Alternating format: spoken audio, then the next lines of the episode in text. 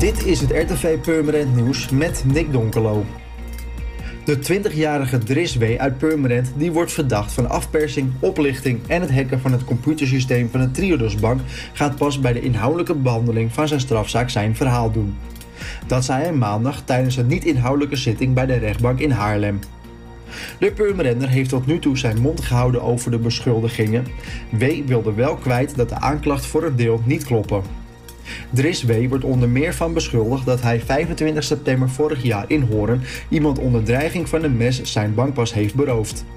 Daarnaast zou hij mensen in Purmerend en elders onder valse voorverwenselen hebben bewogen tot het afgeven van een kopie van hun ID en bankgegevens.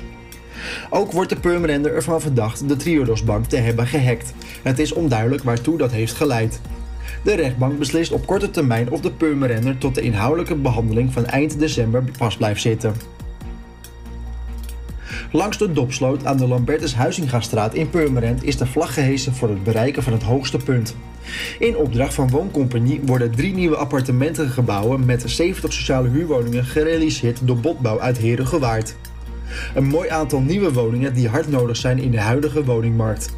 Aansluitend worden in de volgende fase nog eens 26 sociale huurappartementen toegevoegd aan de woningvoorraad van Wooncompagnie. De verwachte oplevering van het eerste blok woningen is in januari 2022. De twee andere blokken volgen in de loop van 2022. De woningen worden geadverteerd op de website van Woonmatch Waterland.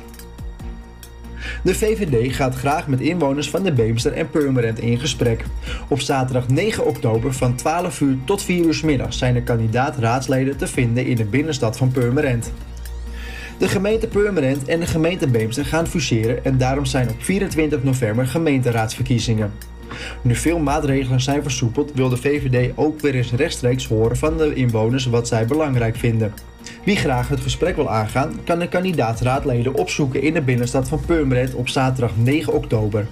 Voor meer nieuws, kijk of luister natuurlijk naar RTV Purmerend, volg je onze socials of ga naar onze website, dat is www.rtvpurmerend.nl.